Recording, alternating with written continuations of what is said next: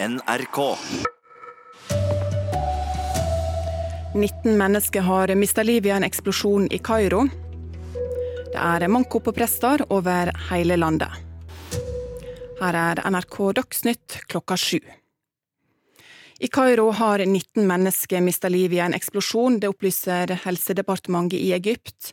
32 andre er såra etter at en bil i feil kjøreretning kolliderte med tre andre kjøretøy. Kaos og krise preger åstedet i Kairo. Mange liv gikk tapt da det smalt her like før midnatt. Eksplosjonen skjedde da en bil i motgående retning kolliderte med tre andre kjøretøy utenfor Egypts nasjonale kreftinstitutt i bydelen Manial. Eksplosjonen forårsaket en større brann som kort tid senere ble brakt under kontroll. Mulige bakenforliggende motiver etterforskes, men det er foreløpig ingen opplysninger fra politiet om hva som kan ha vært årsaken til at bilen kjørte mot trafikken og kolliderte med andre biler.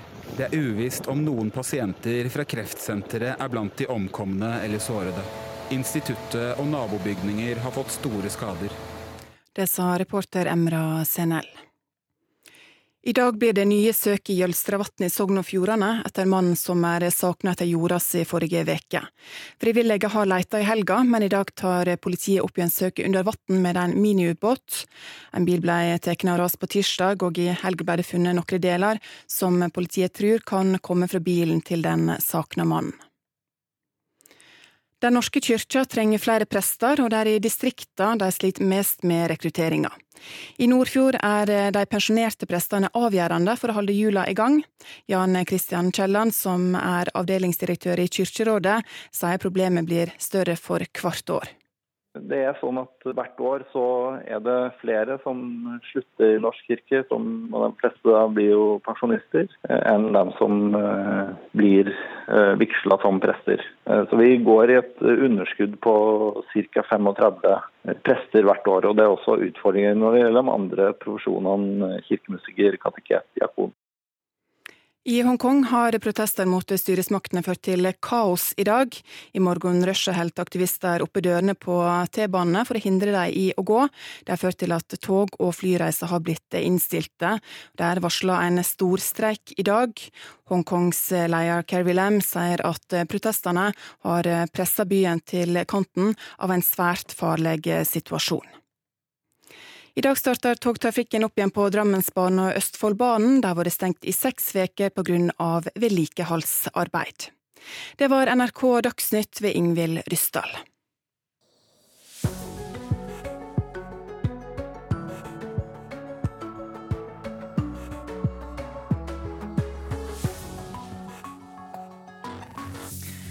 Er det en god idé å heve oljeprisen for å nå målene i Parisavtalen? Ja, mener ni norske samfunnsøkonomer og forskere, men ikke alle er enige i det. USA er i sorg etter to store masseskytinger på få timer. 29 mennesker er drept. Hvorfor skjer det, og hva kan gjøres for å hindre flere slike store angrep, spør vi.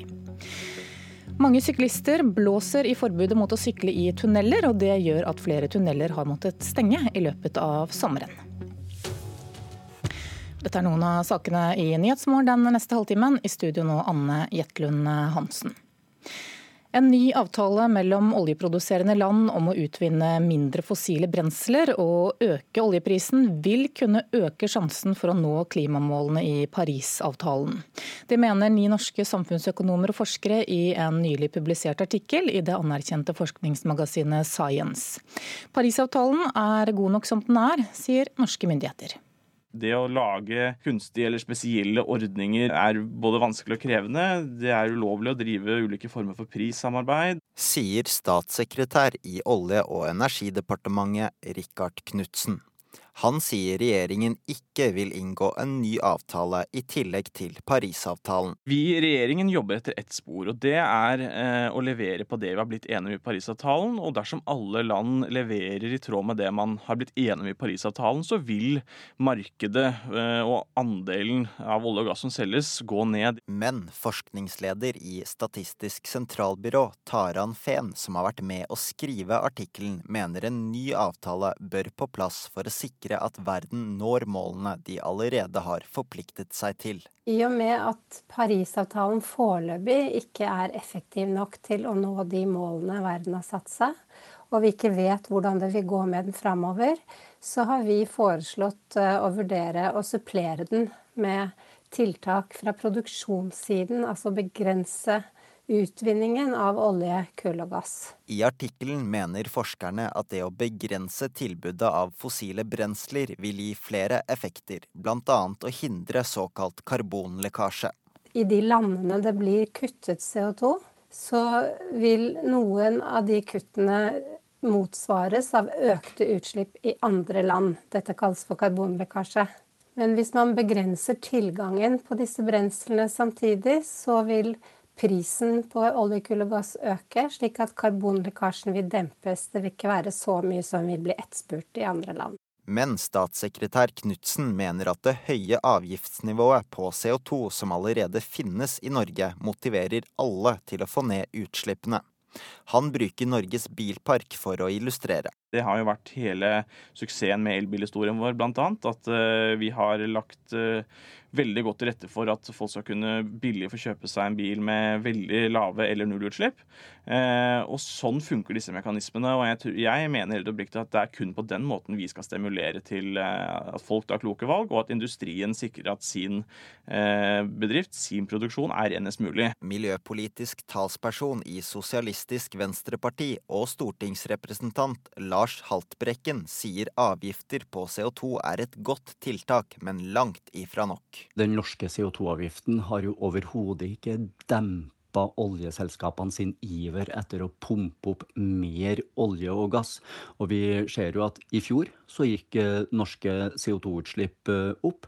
De ønsker å få på plass en avtale, slik forskerne foreslår. Vi kommer til å utfordre statsministeren og klima- og energiministeren til at eh, Norge skal ta et eh, initiativ overfor andre oljeproduserende land til å la olje, kull og gass bli eh, liggende i bakken. Reporter her, det var Ilyad Rostami. Tina Saltvedt, analytiker i Nordea, god morgen. God morgen. Er det realistisk å få med seg oljeproduserende land på en slik type avtale? Jeg tror det blir fryktelig vanskelig å få til et slikt samarbeid. Vi kjenner jo oljemarkedet i dag og vet jo at det er et kartell som styrer det oljemarkedet. Og selv innen dette kartellet som har eksistert siden 60-tallet, så ser vi at det er vanskelig å få alle til å holde seg til de produksjonsmålene som de har. Så jeg syns at forslaget er veldig godt. Eh, det er på tide at vi begynner å tenke litt eh, nytt. Eh, også det å begynne å se på tilbudssiden. Så langt har vi sett på etterspørselssiden i det fossile energimarkedet. Og det ser vi det holder ikke i nærheten av å nå Parisavtalen. sånn at man nå begynner å forske på nye muligheter, det er veldig veldig bra. Men Hvor store må kuttene i produksjonen være da, eventuelt for at en slik avtale kan få noen effekt? Ja, altså Hvis man skal nå målene i Parisavtalen, som verdens for da oljeforbruk, det må ned med en 40-50% fra dagens forbruk. Og eh, Hvis vi da ser på hvem som produserer olje i dag, så har vi tre av de største områdene i verden. Det er Russland, det er USA og det er Midtøsten. Og Til sammen så produserer de ca. 60% av verdens eh, oljeproduksjon. Så Det betyr at resten av verden, hvis vi skal nå disse målene, må kutte sin produksjon. Dette gjør at det blir veldig vanskelig å nå disse målene med et kutt, rett og slett fordi at dette er store inntektskilder for veldig veldig mange land. og at det derfor er, eh, det er et incitament til å snike snike seg unna. Spesielt etter hvert som prisene blir høyere. altså Etter hvert som noen land begynner å kutte, så vil oljeprisen gå opp. Og da er det mange som prøver å snike seg unna. I hvert fall er det hva vi har sett eh, når OPEC, dette kartellet, har samarbeidet. At det er vanskelig å få de til å holde seg til disse kvotene. Ja, så det hjelper ikke at noen eh, kutter produksjonen?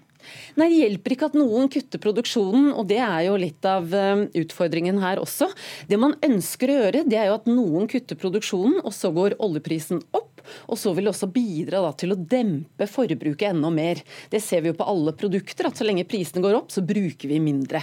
En annen utfordring som vi har i oljemarkedet, det er jo at veldig mange importland også, men en del land, de har jo subsidier på forbruk av nettopp olje. Slik at det tar lang tid fra faktisk en oljeprisøkning slår igjennom til sluttbrukeren, rett og slett fordi at landene, landet, staten, er eh, kanskje redd for at med en høyere bensinpris, som er er et oljeprodukt. Det vil skape opprør, eller det kan skape mm, altså, problemer for uh, f.eks. et gjenvalg politisk sett. og Derfor er det vanskelig å få gjennom den type forslag. Så Det gjør at det er vanskelig å få i gang et sånt samarbeid, særlig når man da ser på hvis prisene skal stige. Mm. Så hører vi statssekretæren her er nokså lunken og sier at avgiftsnivået på CO2 motiverer alle til å få ned utslippene her hjemme. Har han rett i det? Vel, eh, Hensikten med å få opp eh, prisene på karbon er jo nettopp at man skal prøve å redusere forbruket av fossil, eh, fossile energikilder. Men de CO2-prisene er på langt nær høye nok til å få den effekten man ønsket når man innførte dette systemet. Og Derfor må det mer krutt til, og derfor synes jeg at denne type forskning er veldig spennende. Sånn at Det som er utfordringen her, er å få disse landene til å samarbeide om det. Og det tror jeg som sagt blir vanskelig, men setter veldig pris på at den type forskning kommer, for vi trenger å gjøre mye mye mer for å nå Parisavtalen. Ja, hva er status når det gjelder arbeidet for å nå disse målene i denne avtalen nå? Ja, sånn som det ser ut nå, så er vi på god vei mot 2,7 grader. Vi bør helst være mer i nærheten av 1,5. og Derfor så er det behov for å gjøre mye mye mer enn det vi gjør i dag. Og Da må vi også se på om det er eh, muligheter, og kanskje å kutte også på tilbudssiden. At ikke det holder med det man gjør på etterspørselssiden, som vi har, som vi holdt på med så langt. Analytiker Tina Saltvedt i Nordea, takk for at du kom hit til Nyhetsmorgen.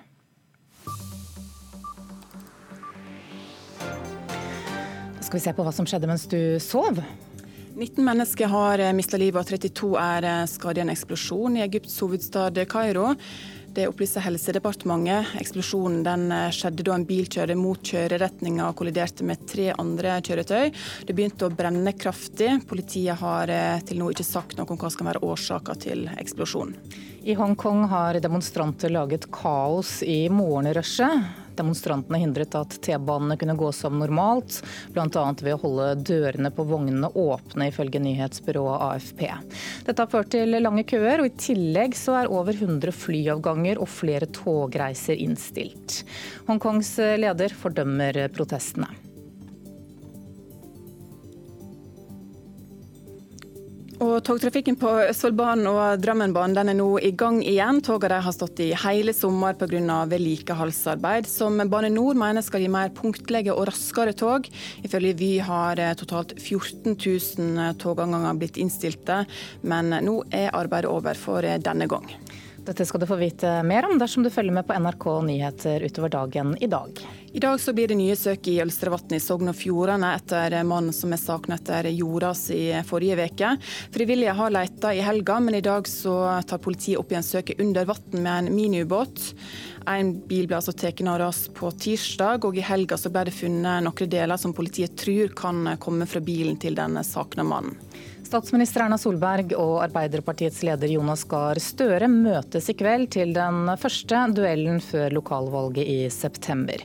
Det skjer på utestedet Blå i Oslo. Det er Høyre og Arbeiderpartiet selv som arrangerer debatten, og Solberg og Støre skal bl.a. diskutere eldre- og skolepolitikk. En smertestillende tablett kan bli redningen din dersom du rammes av et hjerteinfarkt. Smertestillende som f.eks. aspirin kan løse opp blodpropper i løpet av kort tid. Nå får eldre i risikosonen råd om å ha tablettene tilgjengelige, spesielt dersom de oppholder seg i grisgrendte strøk. Når hjertealarmen går, er det ett hjelpemiddel ambulansepersonell alltid har med seg. Én en enkelt smertestillende tablett kan nemlig redde liv når hjerteinfarktet rammer. Det vi vet, det er at det å ta en tablett med en gang man får et infarkt, reduserer risikoen for å dø ganske betydelig. Steinar Madsen er medisinsk fagdirektør i Statens legemiddelverk. Han råder nå eldre i risikosonen til å ha disse smertestillende tablettene lett tilgjengelig. Det finnes flere eksperter som synes at det er en god idé.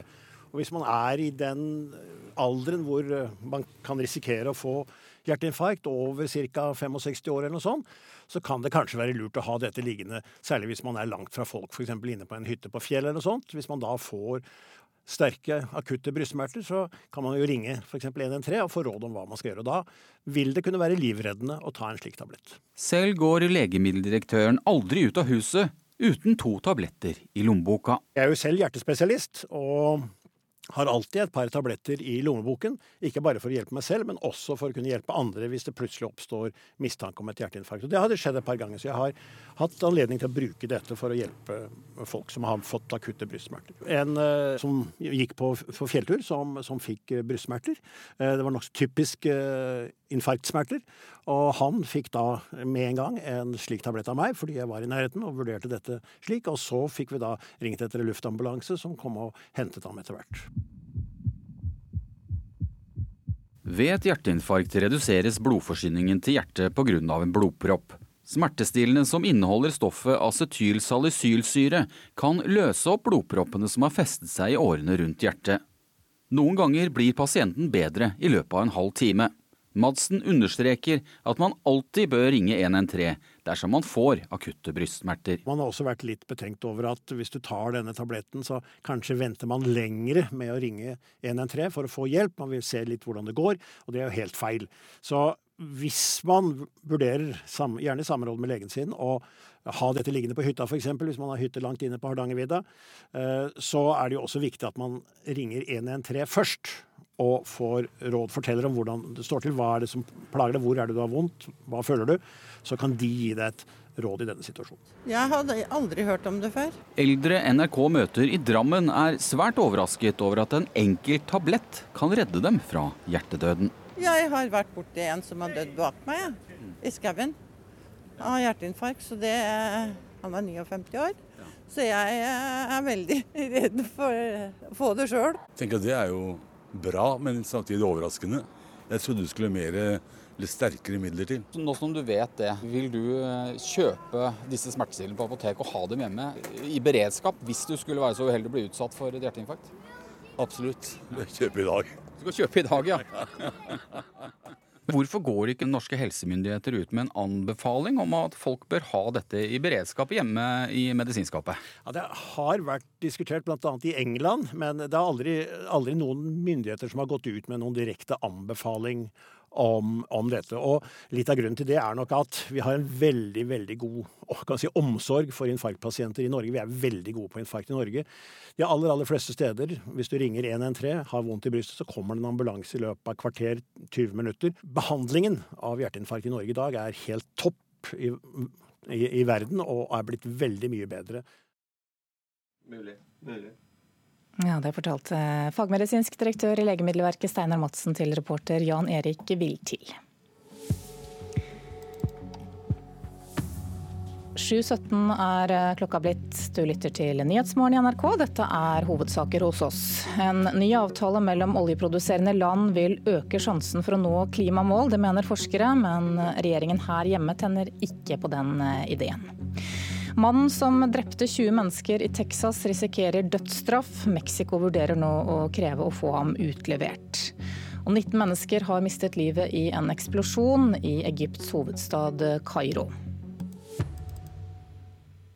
skal vi til USA. Mannen som drepte 21 mennesker på et kjøpesenter i grensebyen El Paso i Texas i går, risikerer dødsstraff, og massakren etterforskes som et terrorangrep. I USA er kritikken mot president Trump for å oppfordre til rasisme knallhard etter dette angrepet. Gjerningsmannen hadde skrevet et manifest der han skrev at han ville stanse den latinamerikanske invasjonen i Texas. Donald Trump has created plenty of space for hate. Uh, the commander in chief is sending a very public signal to the rest of this country about what is permissible and, in fact, even what he encourages to happen. Donald Trump har skapt hat og sender offentlige signaler om hva slags oppførsel som er akseptert her i landet, sier de demokratiske presidentkandidatene Elizabeth Warren og Beto O'Rourke. O'Rourke er oppvokst i grensebyen El Paso, der 20 mennesker ble drept da 21 år gamle Patrick Crucius åpnet ild på en Walmart-butikk i går. Crucius hadde kjørt ti timer for å gjennomføre angrepet, og i et manifest på internett skriver han at han ville stoppe den latinamerikanske invasjonen i Texas. Flere av de drepte var meksikanske statsborgere. Hate has no place in our country. Hat har ingen plass i dette landet, og vi skal ta oss av dette, sa president Trump i går. Men mange kritikere peker nå på andre ting han har sagt i det siste, som de oppfatter som oppfordringer til vold. Hundreds hundreds people. På et folkemøte i Florida for et par måneder siden snakket Trump om hvordan han ønsker å stoppe innvandrere som vil inn i USA. But how do you stop these people? You can't. There's no. Hva skal man gjøre for å stanse disse menneskene, spurte presidenten. Skyte dem, foreslo en mann i salen. That's only in the panhandle you can get away with that statement. Trump vitset bort kommentaren med å si at slikt bare er tillatt i den nordlige delen av Florida, der han holdt folkemøte. So I think the president has got to stop that racism, racism and that xenophobia immediately. Det er denne typen uttalelser Bernie Sanders og andre i opposisjonen nå vil ha slutt på. Hatkriminaliteten har økt kraftig i USA de siste par årene. I en annen massakre i går i Ohio ble ni mennesker drept. So Mitch McConnell, Republican leader of the Senate, bring us back to Washington, end the recess right now, and let us sit down and work on the kind of legislation uh, that we need. Bernie Sanders ber republikanernes senatsleder tvinge politikerne tilbake fra sommerferie for å vedta strengere våpenlover. Reporter her, det var eh, Tove Bjørkås. Og helgens masseskytinger der altså i USA var nummer 249 og 250 i rekken så langt i år. Atle Mesøy, terroranalytiker og daglig leder av organisasjonen U-Turn, som arbeider med å forebygge ekstremisme. God morgen. God morgen. Vi har jo sett at flere gjerningsmenn, gjerningsmenn, har sendt ut slike eh, manifester før de angriper, både her hjemme og før angrepet i Christchurch på New Zealand eh, i mars f.eks. Hva er hensikten? Hensikten er å fortelle om sine tanker til offentligheten. De har kommet eh, til veis ende i sin forståelse av hvordan denne verden henger sammen. Og det de ser på som en krise, det ønsker de å fortelle Eh, publikum om, samtidig som de ønsker å skaffe seg et, et navn. Ja, for Det handler vel også om muligheten for å høste applaus da, eh, ja. i et gitt publikum, kanskje? Absolutt, det, det gjør det. Eh, det, det, er, det, er, jo forskjellig Det er jo så mange forskjellige typer av terrorister og ensomme aktører, sånn som dette var. da. Men det som er, er gjennomgående, det er at de, de har kommet i de er i en, en slags uh, krisesituasjon. Noen gjør dette ut ifra at de er, en høyreekstremistisk, uh, de er med i en høyreekstremistisk gruppe. og det driver de, og de er forbanna på samfunnet. Andre har mer uh, Hva skal jeg si mer moralske Det høres rart ut, men Eh, mer eh, tanker som går i, i, retning at han vil ta vare på noe som han ser holder på å forsvinne. Og, og det, eh, Den kategorien kan man plassere denne personen, denne Patrick Cruises, i. Mm. Men tilhører han eller eventuelt hans likesinnede et eget miljø, eller er det snakk om enkeltpersoner som handler helt på egen hånd? Det, det, kan man si at det, det, er begge deler. Fordi han tilhører et miljø som stadig nå stiller spørsmål ved denne utviklingen som er i samfunnet. Denne masse øh, immigrasjonen da, som, som skjer pga. krig og kris, øh, krise i, i, i, verden og, og naturkatastrofer. Hvor øh, man må forholde seg til også da globaliseringen. Og man ser samtidig at, at jobber forsvinner pga. automatiseringen og pga. Uh, eh, kunstig intelligens, uh, så, så, tilhører da han da en stor gruppe uh, som stiller seg spørsmål om hvordan dette vil gå, eller ser det som en krise. Det han samtidig da tilhører, det er en liten gruppe som, som som pga. kan være psykiske situasjoner, kan være hans eh, oppvekst som har vært med og påvirket det. miljøet som han da kommer fra, dette lille miljøet han kommer fra, kan være at, at han da han, han, ser ut til å ha gått inn i internett på et spesielt forum hvor man sier at det er ikke bare disse tankene som de er enig med mange, eh, mange av disse krisetankene. Eh, det er ikke bare det at, eh, at, man har de, men man gjør noe med det. Og man ønsker å gjøre noe med de på en voldelig måte. Mm. Så er det store spørsmålet hva kan vi gjøre for å hindre denne typen angrep? Ja, det, det er svært vanskelig. Fordi man kan jo ikke stoppe denne innvandringen. Man, man, har, eh, man, har, forpliktelser som nasjoner for å ta imot de som er i krise. Man har en utvikling pga. Eh, teknologien. Man får ikke stoppet det. Eh, det, det, man kan gjøre da, det er å, å istedenfor å skyve alt under teppet og si at jo, det er ikke noe problem, det er bare konspirasjonsteorier, så kan man ta tak i dette kan man si at jo, det er virkelig et problem det er en stor utfordring vi har nå i samfunnet. Eh, og så kan man begynne å snakke med eh, de som, som, eh, som føler dette presset aller, aller sterkest. Og også sånn at ikke bare noen få intellektuelle får råde det området, og noen presidenter og noen andre politikere får råde det området og får komme med sine giftige kommentarer og væremåter som gir inspirasjon til disse personene. Mm. Men Dersom det også finnes møtepunkter på nettet for eksempel, så mm. burde det jo eh, være muligheter for å drive med kartlegging f.eks. av hvem som er der? Og, og, det gjøres. Det gjøres hele tiden. Så Det er én ting man, man gjør, uh, som man har sett, at man må begynne å regulere nettet mer. Så Man har fått topppersoner innenfor uh, terrorforskning f.eks., som nå jobber i Google.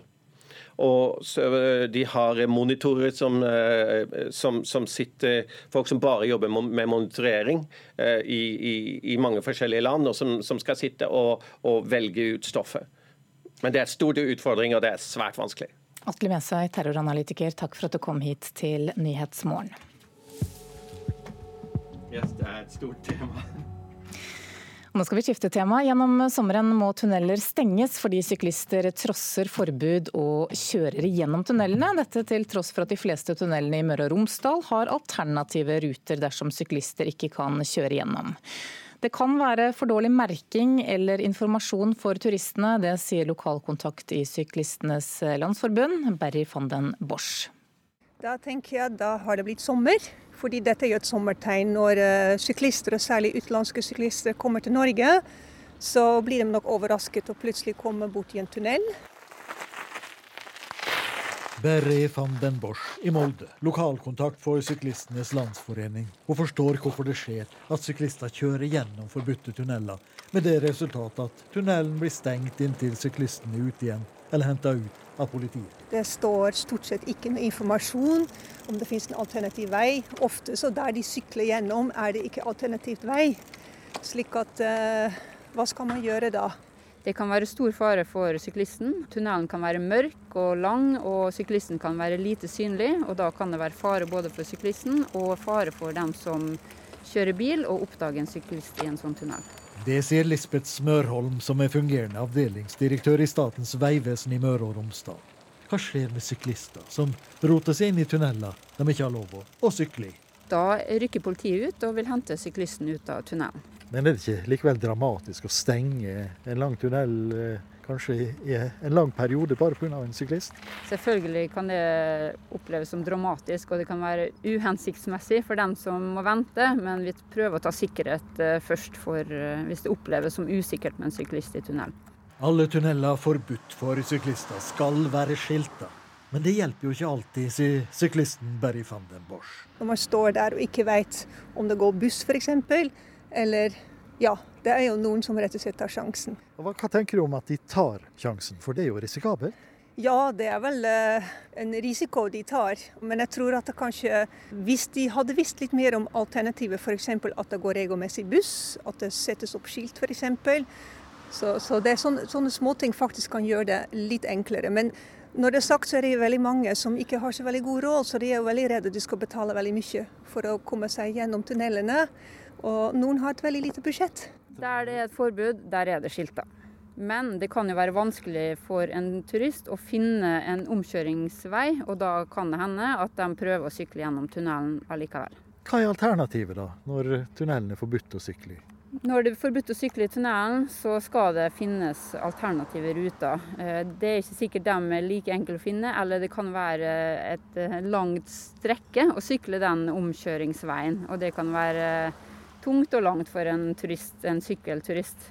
Så derfor så er det kanskje mange som prøver seg på tunnelen istedenfor å sykle den omveien. Reporter her, det var Gunnar Sandvik. Klokka nærmer seg 7.30. Ingvild Ryssdal sitter klar med Dagsnytt eh, straks. Ansvarlig for sendingen denne morgenen, Arild Svalbjørg. Produsent for Nyhetsmorgen er Kari Ørstavik. Og her i studio, Anne Jetlund Hansen.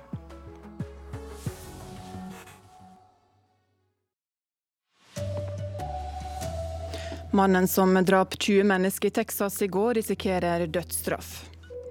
En ny avtale mellom oljeproduserende land vil øke sjansen for å nå klimamål, mener forskere. En smertestillende tablett kan bli redninga dersom du blir rammet av et hjerteinfarkt. Det forbauser flere vi har snakka med. Jeg tenker at Det er jo bra, men samtidig overraskende. Jeg trodde du skulle mer eller sterkere midler til. Her er NRK Dagsnytt klokka 7.30. Mannen som drap 21 mennesker på et eh, kjøpesenter i grensebyen El Paso i Texas i går, risikerer dødsstraff, og massakren blir etterforska som et terrorangrep. Mange av demokratene sine presidentkandidater mener president Trump har oppfordret til slik rasistisk valg. Her er Bernie Sanders. Racism immediately. What he has got to understand is that when you have language that is racist, that is virulently anti immigrant. There are mentally unstable people in this country who see that as a sign to do ter terrible, terrible things. Utenriksmedarbeider Tove Bjørgaas, det kommer sterk kritikk mot eh, presidenten og hvorfor? Det gjør det fordi han på en rekke folkemøter og også på, i andre fora har, har sagt mange ganger at ting om hvordan man skal bli kvitt innvandrere, stanse innvandrere fra å komme inn i landet, uh, som mange Eh, av de i opposisjonen mener kan opp oppfordres som oppfordringer til, oppfattes som oppfordringer til vold. På et folkemøte eh, for et par måneder siden i Florida så var det til og med en tilhører som foreslo at man skulle skyte innvandrere som var på vei inn i landet. Og, og nå ber eh, politikere Trump tone ned denne retorikken. Trump selv han, han, han, han sier at, at, at han tar sterk avstand fra det som har skjedd. I går så var det altså to skytemassakrer på én dag, og til sammen så har 29 mennesker blitt drept. Er det noe som kan gjøres for å hindre dette? Dette er en epidemi i USA. Det har vært 250 slike masseskytinger hittil i år. Eh, og det er eh, våpenlover selvfølgelig som mange politikere roper om. Eh, Bernie Sanders som vi hørte her, han ber eh, senatslederen om å kalle tilbake politikerne fra sommerferie for nå med en gang å vedta strengere lover. Det ropes også om tiltak, bedre mentale helsetiltak i USA. Begge de som skjøt i går hadde åpenbare psykiske problemer, virker det som. det andre angrepet i Ohio, der var, var det ikke noe som tyder på at det var rasistisk motivert fra gjerningsmannens side. Eh, men, men det, det, kommer nå til å blusse opp igjen en debatt, altså også nå som det er valgkamp i USA, om hvorfor man ikke klarer å stanse denne våpenvoldepidemien. Takk for den orienteringa, Tove Bjørgaas. En ny avtale mellom oljeproduserende land om å utvinne mindre fossile brensel og øke oljeprisen, vil øke sjansen for å nå klimamålene i Parisavtalen. Det hevder ni norske samfunnsøkonomer og forskere i en artikkel i det anerkjente forskningsmagasinet Science. Parisavtalen er god nok, mener Rikard Knutsen, som er statssekretær i Olje- og energidepartementet.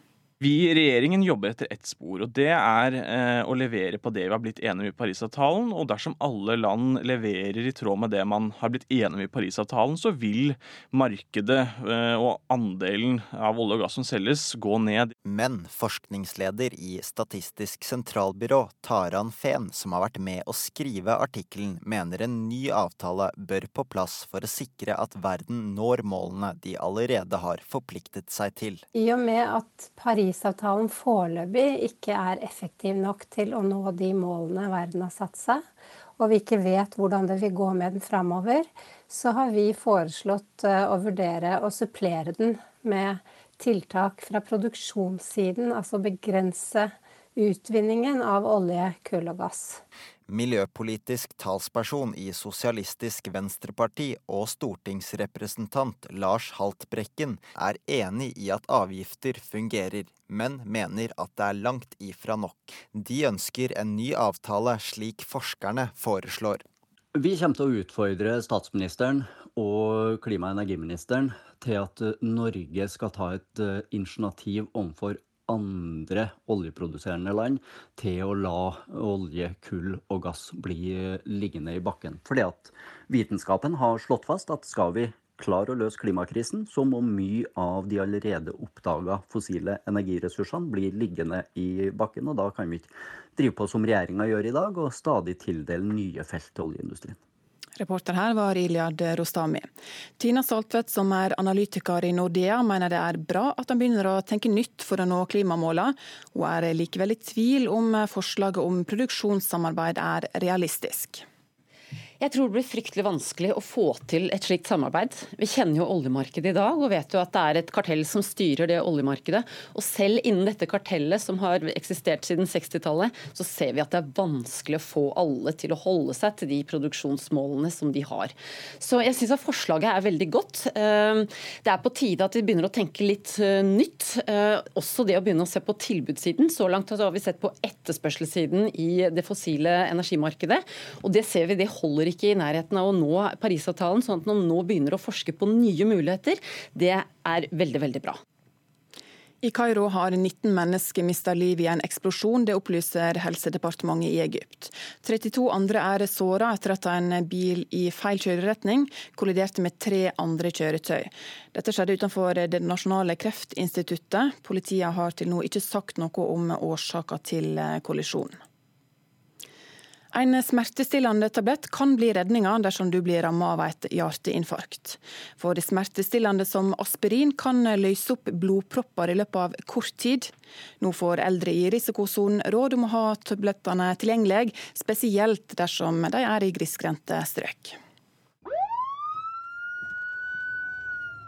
Når hjertealarmen går, er det ett hjelpemiddel ambulansepersonell alltid har med seg. En enkelt smertestillende tablett kan nemlig redde liv når hjerteinfarktet rammer. Det vi vet, det er at det å ta en tablett med en gang man får et infarkt, reduserer risikoen for å dø ganske betydelig. Steinar Madsen er medisinsk fagdirektør i Statens legemiddelverk. Han råder nå eldre i risikosonen til å ha disse smertestillende tablettene lett tilgjengelig. Det finnes flere eksperter som synes at det er en god idé. Ved et hjerteinfarkt reduseres blodforsyningen til hjertet pga. en blodpropp. Smertestillende som inneholder stoffet acetylsalicylsyre, kan løse opp blodproppene som har festet seg i årene rundt hjertet. Madsen understreker at man alltid bør ringe 113 dersom man får akutte brystsmerter. Så er det jo også viktig at man ringer 113 først og får råd, forteller om hvordan det står til. Hva er det som plager deg, hvor er det du har vondt, hva føler du? Så kan de gi deg et råd i denne situasjonen. Jeg hadde aldri hørt om det før. Eldre NRK møter i Drammen er svært overrasket over at en enkel tablett kan redde dem fra hjertedøden. Jeg har vært borti en som har dødd bak meg, ja. i skauen. Av hjerteinfarkt. Så jeg er veldig redd for å få det sjøl. Det er jo bra, men samtidig overraskende. Jeg trodde du skulle mer litt sterkere midler til. Nå som du vet det, vil du eh, kjøpe disse smertestillende på apotek og ha dem hjemme i beredskap hvis du skulle være så uheldig å bli utsatt for et hjerteinfarkt? Absolutt. Jeg kjøper i dag. Du skal kjøpe i dag, ja. Reporter i Drammen, det var Jan Erik Hvitsil. Regissøren av filmen 'Trolljegerne' er nå klar med en ny film. Skrekkfilmen 'Scary Stories to Tell in the Dark' har premiere på fredag. André Øvredal er en av flere nordmenn som har suksess i verdens filmhovedstad Hollywood. Hvem er det som ikke har drømt om å lage en Star Wars-film? Men det er jo liksom, jeg er langt over det stadiet noensinne har turt å drømme om. Allerede, så jeg Han ser kanskje mot stjernene, men André Øvredal har foreløpig ikke mistet bakkekontakten. 46-åringen er premiereklar med skrekkfilmen 'Scary Stories to Tell in the Dark'. It's your book of scary stories. Øvredal ble headhuntet til filmen av Oscar-belønnet produsent Guillermo del Toro. Nei, Det er jo fantastisk. Altså, han, han i seg sjøl personlig åpner dører for meg inn i Hollywood for tida. Øvredal er ikke ensom nordmann i Hollywood. Hør bare på denne lista her. Joakim Rønning, Espen Sandberg, Roar Uthaug, Tommy Wirkola, Lars Klevberg, Joakim Trier og Oscar-nominerte Morten Tyldum. Altså, jeg tror Hollywood har hatt et tiår med stor åpenhet mot resten av verden, der de har søkt ut mot uh, filmskapere for å revitalisere og regenerere en eller annen energi de ikke nødvendigvis har i øyeblikket sjøl. Filmanmelder Aksel Kielland i Morgenbladet mener profesjonaliseringen av norsk filmbransje etter Hollywoods modell har gitt resultater. De regissørene som har blitt rekruttert til Hollywood de siste årene, er jo folk som da har lagd det vi kan kalle Hollywood-film. Reporter i dette innslaget var Øystein Tronsli Drabløs. Ansvarlig for denne sendinga var Arild Svalbjørg. Mitt navn er Ingvild Ryssdal.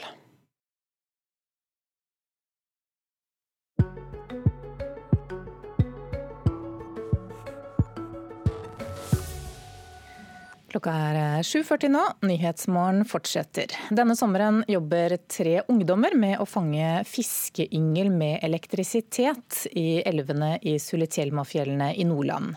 Som ett av få steder i landet har det blitt drevet slik fangst her i 20 år. Og det sikrer god bestand av fisk i kraftregulerte vann. Alternativet er å kjøpe oppdrettsyngel og sette ut Eh, den er ikke like levedyktig når den kommer fra lukka anlegg og så skal ut i, eh, ut i det fri. Eh, mens den fisken her er stedegen, så den har en veldig høy overlevelse. Nesten over 90% overlevelse. I krysset der Balvasselva møter Sukkielva i Sulitjelmafjellene, står det tre unge menn ute i vannet. De har vadere, en liten håv, ei bøtte og en kasse på ryggen. De fisker ørretyngel med strøm. Den kan høres som ei svak piping. Det er jo ikke et uh, fiskeredskap for enhver mann. Du må ha spesialgodkjenning for å, for å bruke det. Anders Blom og hans to kamerater Kristian Kyllingmark og Amund Godal har sommerjobb her, hvor de skal fange flere tusen ørretyngel, som de merker og senere slipper ut i regulerte vann. De er alle storfornøyd med sommerjobben. Vi kan uh fisk i flott natur, og eh, det er jo et fantastisk område. Vi får jo masse ute i frisk luft og, ja. og fisk og sånn, det liker vi også. Vært på fjellet nå i det femte uka vår her oppe, så stort sett fint vær. Det er også veldig deilig når vi står i elva så mange timer om dagen og fisker. Fiskemetoden er godkjent av Mattilsynet, og fisken skades ikke av elektrisiteten, selv om de får så mye som 1400 volt gjennom kroppen. De blir bare svimeslått et øyeblikk. Som et av få steder i landet bruker de denne metoden her, og har gjort det i 20 år, forteller Arnold Berg. Sånn som jeg kjenner det nå, da, så er vi så å si alene om det. Men dette er en, eh, en form for kultivering som er på tur inn i, eh, i flere vassdrag og, og områder. Hvert år må Salten kraftsamband sette ut 5000 ørretyngel i Ballvatn og Doro som avbøtende tiltak pga. kraftproduksjon. Og elfangst av yngel fungerer, det ser vi på gjenfangsten, sier Berg. Stor, fin fisk, sånn at man ser jo at dette er et tiltak som fungerer veldig bra. Reporter her, det var Bente H. Johansen.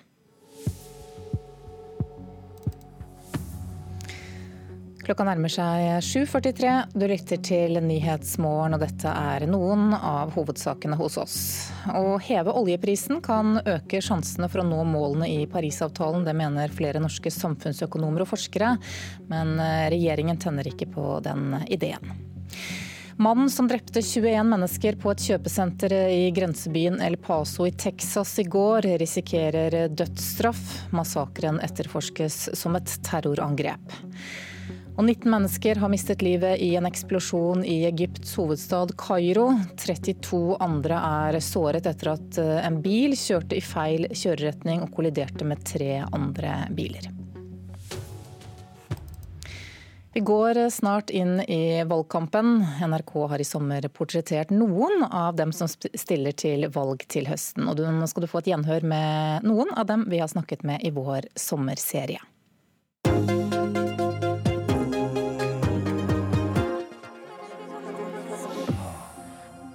Finnes en sosialist som ikke betaler sin skatt med glede. Det finnes en bompengemotstander som nesten ikke kjører bil.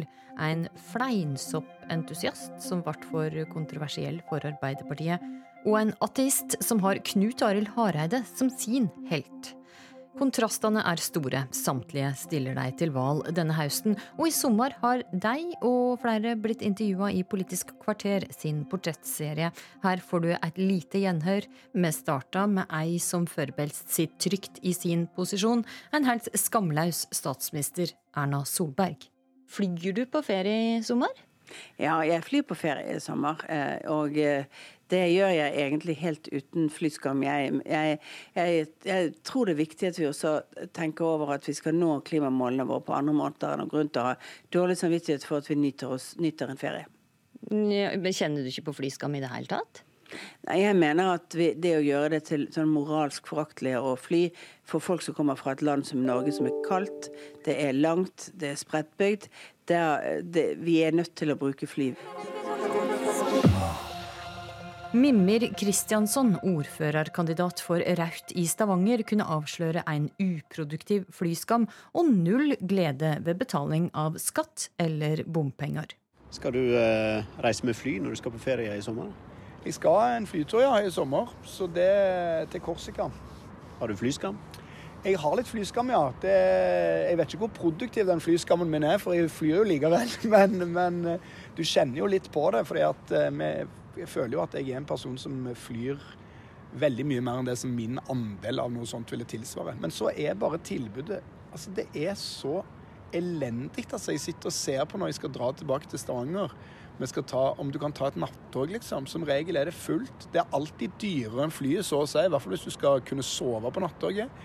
Og det tar utrolig lang tid. Sånn at du kan gjerne gå og føle på den skammen, og det gjør jeg, men hvis vi skal komme noe vei med de greiene der, så må vi bygge ut bedre infrastrukturtilbud med tog mellom Oslo og Stavanger, Oslo og Bergen og Oslo og Trondheim. Når du kjører gjennom bomringen, gjør du det med glede eller sorg? Nei, jeg blir drittsur av bompenger, altså. altså, jeg, på en måte, det er litt sånn hvem, Når folk sier sånn ja, det gjør jeg med glede, det, det er nesten sånn jeg ikke tror på. Altså, Du kan skjønne poenget noen ganger med at du må ha bompenger du må ha skatter, men altså, jeg har aldri helt trodd på det der folk sier sånn jeg betaler min skatt med glede og sånn. Så der og da er det jo utrolig irriterende både å fylle ut selvangivelsen og betale i bomringen, og så kan det jo finnes gode grunner til å gjøre det likevel, men å gjøre det noe særlig med et smil om munnen, det, det er jeg ikke mann om. Da ikke Arbeiderpartiet hadde plass til Øystein Meyer Johansen fra Hemnes i Nordland, starta han si eiga liste, Hemnes-lista. Og han er langt fra noen A4-politiker. Jeg ble jo skuffet over at Arbeiderpartiet har ikke plass for en såpass eh, Jeg vil jo kalle meg tilhørende venstresida i partiet, men han kvitta seg med han Giske, og da har han ikke plass for meg. Jeg leste en plass at eh, den forrige valgkampen du drev, den uh, finansierte du med salg av hjemmebrent. Ja. Hvordan er det denne gangen? Nei, nå blir jeg Pitter Dausen nøyd å selge fleinsopp. Fordi at uh, når jeg reiser til Amsterdam, så får du en veldig god pris for den nordiske fleinsoppen. Og jeg har faktisk tenkt å ta et sånt der, prøve å få EU-beskyttelse på den nordnorske arktiske soppen à la det roquefort og champagne og forskjellige Ja, du har italiensk oster og sånn som er beskytta til bare små områder. For Det går jo opp for folk at ikke gjør dem skade. Jeg har jo anbefalt selv mine barn å foretrekke at de heller, om de skulle ruse, så heller bruker fleinsopp framfor alkohol. Hvor de blir både voldelige og skrytende og noen ganger aggressive. Ja, ikke spesielt mine barn, da, men altså menneskene blir det. Han går ikke av veien for å ta utradisjonelle metoder i bruk for å få oppmerksomhet. Som eksempel har han både fingert drap, satt fyr på biler og sluppet ni høner og en full hane inn i en avisredaksjon. Ja, Det er nødt til når du er fattig i utgangspunktet. Du kan ikke gå og kjøpe deg et velfrisert bilde av deg sjøl, helside i VG eller hvor som helst, hvor du er både pynta og, og, og skrøten opp i været. Du må nesten ty til uortodokse metoder, for det er jo de som skaper overskrifter. Jeg er jo bare en helt alminnelig historielærer, liksom. Jeg er ikke noe sånn drilla politiker. Fortell toppkandidaten for Folkeaksjonen Nei til mer bompenger i Oslo, Bjørn Revild. Han kjører nesten ikke bil, og møter klimaengasjerte ungdom med entusiasme. Du, hva, hva sier elevene til deg? Er de stolt? Ja, nei, de, er jo, de syns jo dette er uh, veldig morsomt. Det syns de. Uh, det er i hvert fall det inntrykket jeg får. og ja, de, Noen er litt sjenerte for å nevne det og sånn, men jeg, jeg er litt, litt, nøye med å skille jobb og politikk. Så jeg er veldig veldig nøye med å ikke agitere for politiske standpunkter i forbindelse med jobb. og sånt som det, Så jeg prøver å skille det mest mulig. Når elevene spør, så, så svarer jeg på det de spør om, og så går jeg videre med pensum. Men det er jo et ungdommelig klimaopprør nå, med massemønstringer. Hva sier dine elever? Jo, det var jo noen som deltok i klimademonstrasjonen og sånt som det. Og jeg syns det er bra at unge mennesker engasjerer seg i det de er opptatt av. Og eh, så kan man være uenig på sak, men så kan vi være enige om at engasjementet er bra. For det er veldig veldig fint at unge mennesker sier fra at dette mener vi, sånn ønsker vi å ha det. Og det er jo unge mennesker som er uenig i klimapolitikken også, så er det noen som er enige. Men at de går ut og sier litt hva de mener og hva de føler og står litt på for det, det syns jeg er bare positivt. Vi trenger litt mer engasjement i norsk politikk enn det vi har. Sier de det til deg òg? Ja, ja, de er jo ikke redde for å fortelle om dette til meg. Jeg syns jo bare det er morsomt, jeg. Du blir ikke en mørkemann blant elevene? Nei, jeg blir ikke en mørkemann, og jeg føler meg ikke som det heller på noe som helst måte. Høyre sin ordførerkandidat i Oslo betaler ikke bompenger. Foreløpig så holder jeg meg til min elsparkesykkel og slipper bompenger. Saida Begum vil ikke fjerne bompengene i byen, men ser ikke bort fra at de likevel kan samarbeide med Folkeaksjonen Nei til mer bompenger, FNB. Jeg tenker at Først og fremst så må vi vinne dette valget her nå. Så må vi se litt på hvilken politikk vi kan eh, bli enige om. Jeg har ikke tenkt å forhandle politikk før et valg, og jeg har ikke snakket med FNB. Så eh, det tar vi når valget er vunnet. FNB har sagt at de gjerne tar en samtale med Høyre og Solberg og deg. Når vil dere inngå samtaler med Folkeaksjonen Nei til mer bompenger? Nå må vi først og fremst se på eh, valgresultatet. Og så har vi sagt at vi vil samarbeide med alle borgerlige partier, og vi har ikke lukket døren for noen partier. Kan man vente seg en samtale før valget, sånn at velgerne vet hva de får hvis de stemmer på Høyre? Vi er åpne for å ha samtaler med alle partier som ønsker å snakke med oss, og døren vår står åpen. Unge Høyre har gått ut og sagt at man kanskje burde se mot Miljøpartiet De Grønne. Er det noe Høyre i Oslo kunne tenkt seg?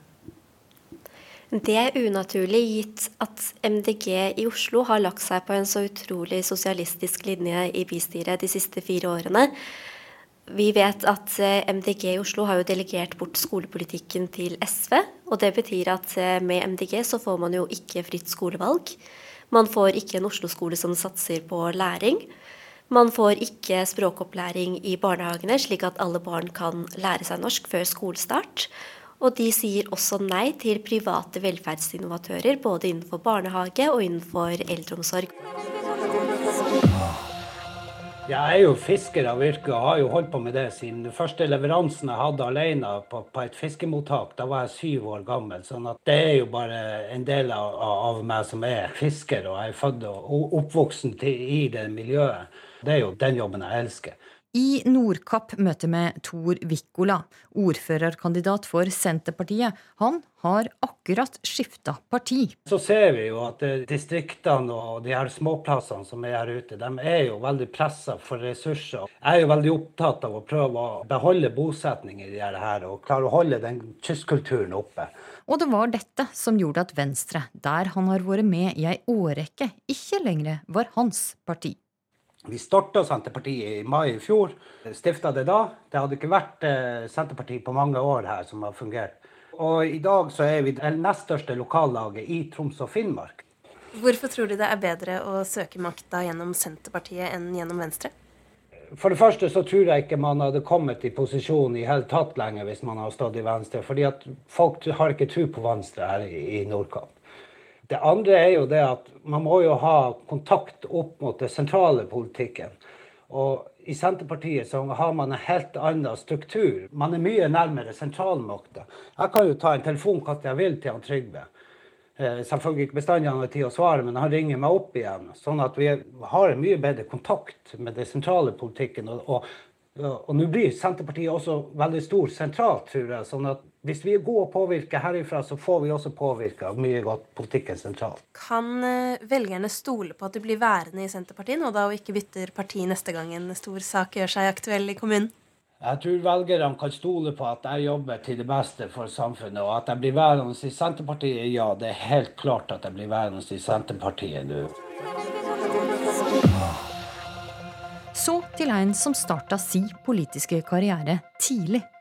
Jeg husker at jeg drev en sånn slags politisk blogg når jeg var sånn ni år. eller noe sånt. Da jeg var elleve år, så søkte jeg om å bli medlem litt tidligere, for aldersgrensen er 13. Eh, men jeg fikk ikke lov til det. Men eh, når jeg, var 13 år, så meldte jeg meg inn da, på 13-årsdagen klokken 12. Ved midnatt? Ja. Så akkurat når jeg kunne, så meldte jeg meg inn.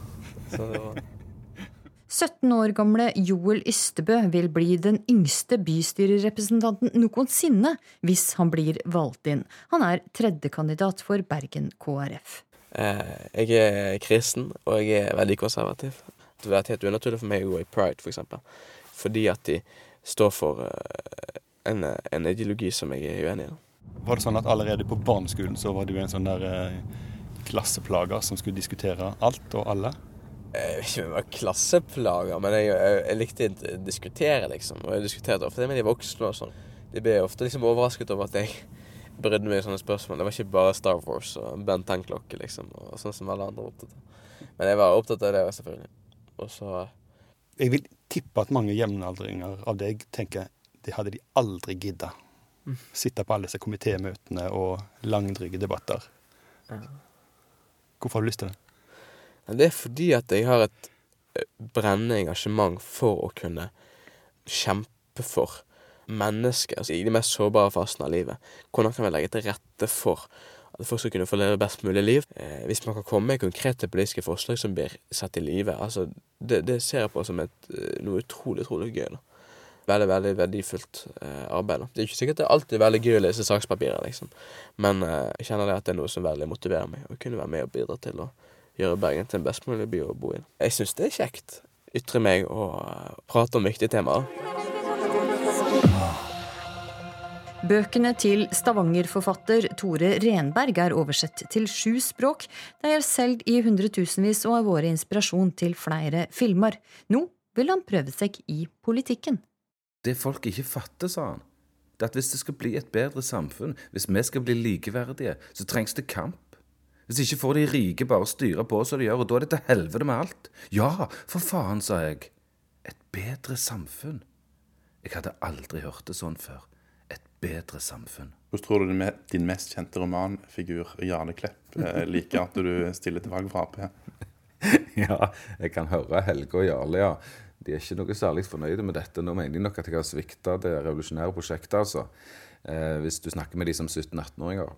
Ennå er jeg en, eh, en liten mann fra Madla utenfor Stavanger på eh, 46 år, snart 47 år, som har sagt ja til å stille på lista i, i lokalvalget nå til høsten. Kanskje blir jeg valgt inn. Da er jeg en av de folkevalgte. Det ville jo vært ei ære og noe veldig skummelt. Jeg har stemt Venstre. Jeg har stemt Høyre. Jeg har stemt Rødt. Jeg har, beklager, aldri stemt SV. Eh, jeg har stemt eh, eh, Miljøpartiet. Jeg har stemt eh, alt mulig. Og Hvis du hadde hatt all makt i din kommune, hva er det første du ville ha gjort? Nei, Jeg ville spurt uh, Knut Arild Hareide om han ville vært uh, sjef for hele kommunen. Hvorfor det? Den, den tøffeste mannen i 2018, han heter Knut Arild Hareide. Og for en ateist som meg, som syns at Kristelig Folkeparti er et uh, Ja, hva skal vi si? Det er et parti tufta på en religiøst grunnlag, og for meg er det problematisk. Så at jeg skulle sitte og juble i sofaen min da Knut Arild Hareide sto fram og viste så mye integritet, viste så mye styrke eh, som han gjorde i fjor, det var helt fantastisk. Han er mitt politiske ideal eh, etter det han gjorde i fjor. Jeg syns det var så sabla flott, og det har jeg tenkt at jeg skal si til meg sjøl hele veien. Må du huske på Knut Arild Hareide hvis jeg skulle, skulle, falle for fristelsen til å bli for taktiske eller for ja, det ene eller det andre som, som man gjerne tenker at politikere kan gjøre. det. Fra og med i morgen er vi tilbake med direktesendinger i Politisk kvarter klokka kvart på åtte. Du kan høre oss på eh, P2 eller Alltid nyheter, eller se oss på NRK1, eller du kan laste ned sendinga som podkast. Ja, Så kan du høre alle sommerportrettene som podkast dersom du søker på Politisk kvarter. Klokka nærmer seg åtte. Vi skal straks ha Dagsnytt. Etter det så skal vi bl.a. snakke om eh, patent- eh, eller piratkopier av eh, kjente merkevarer. Mange har kanskje vært på ferie i sommer og vurdert å skaffe seg en veske eller et par solbriller som ligner på noen kjente merkevarer. Men det kan rett og slett være helsefarlig. Det sier Patentstyret, som er gjest her i Nyhetsmorgen om noen minutter.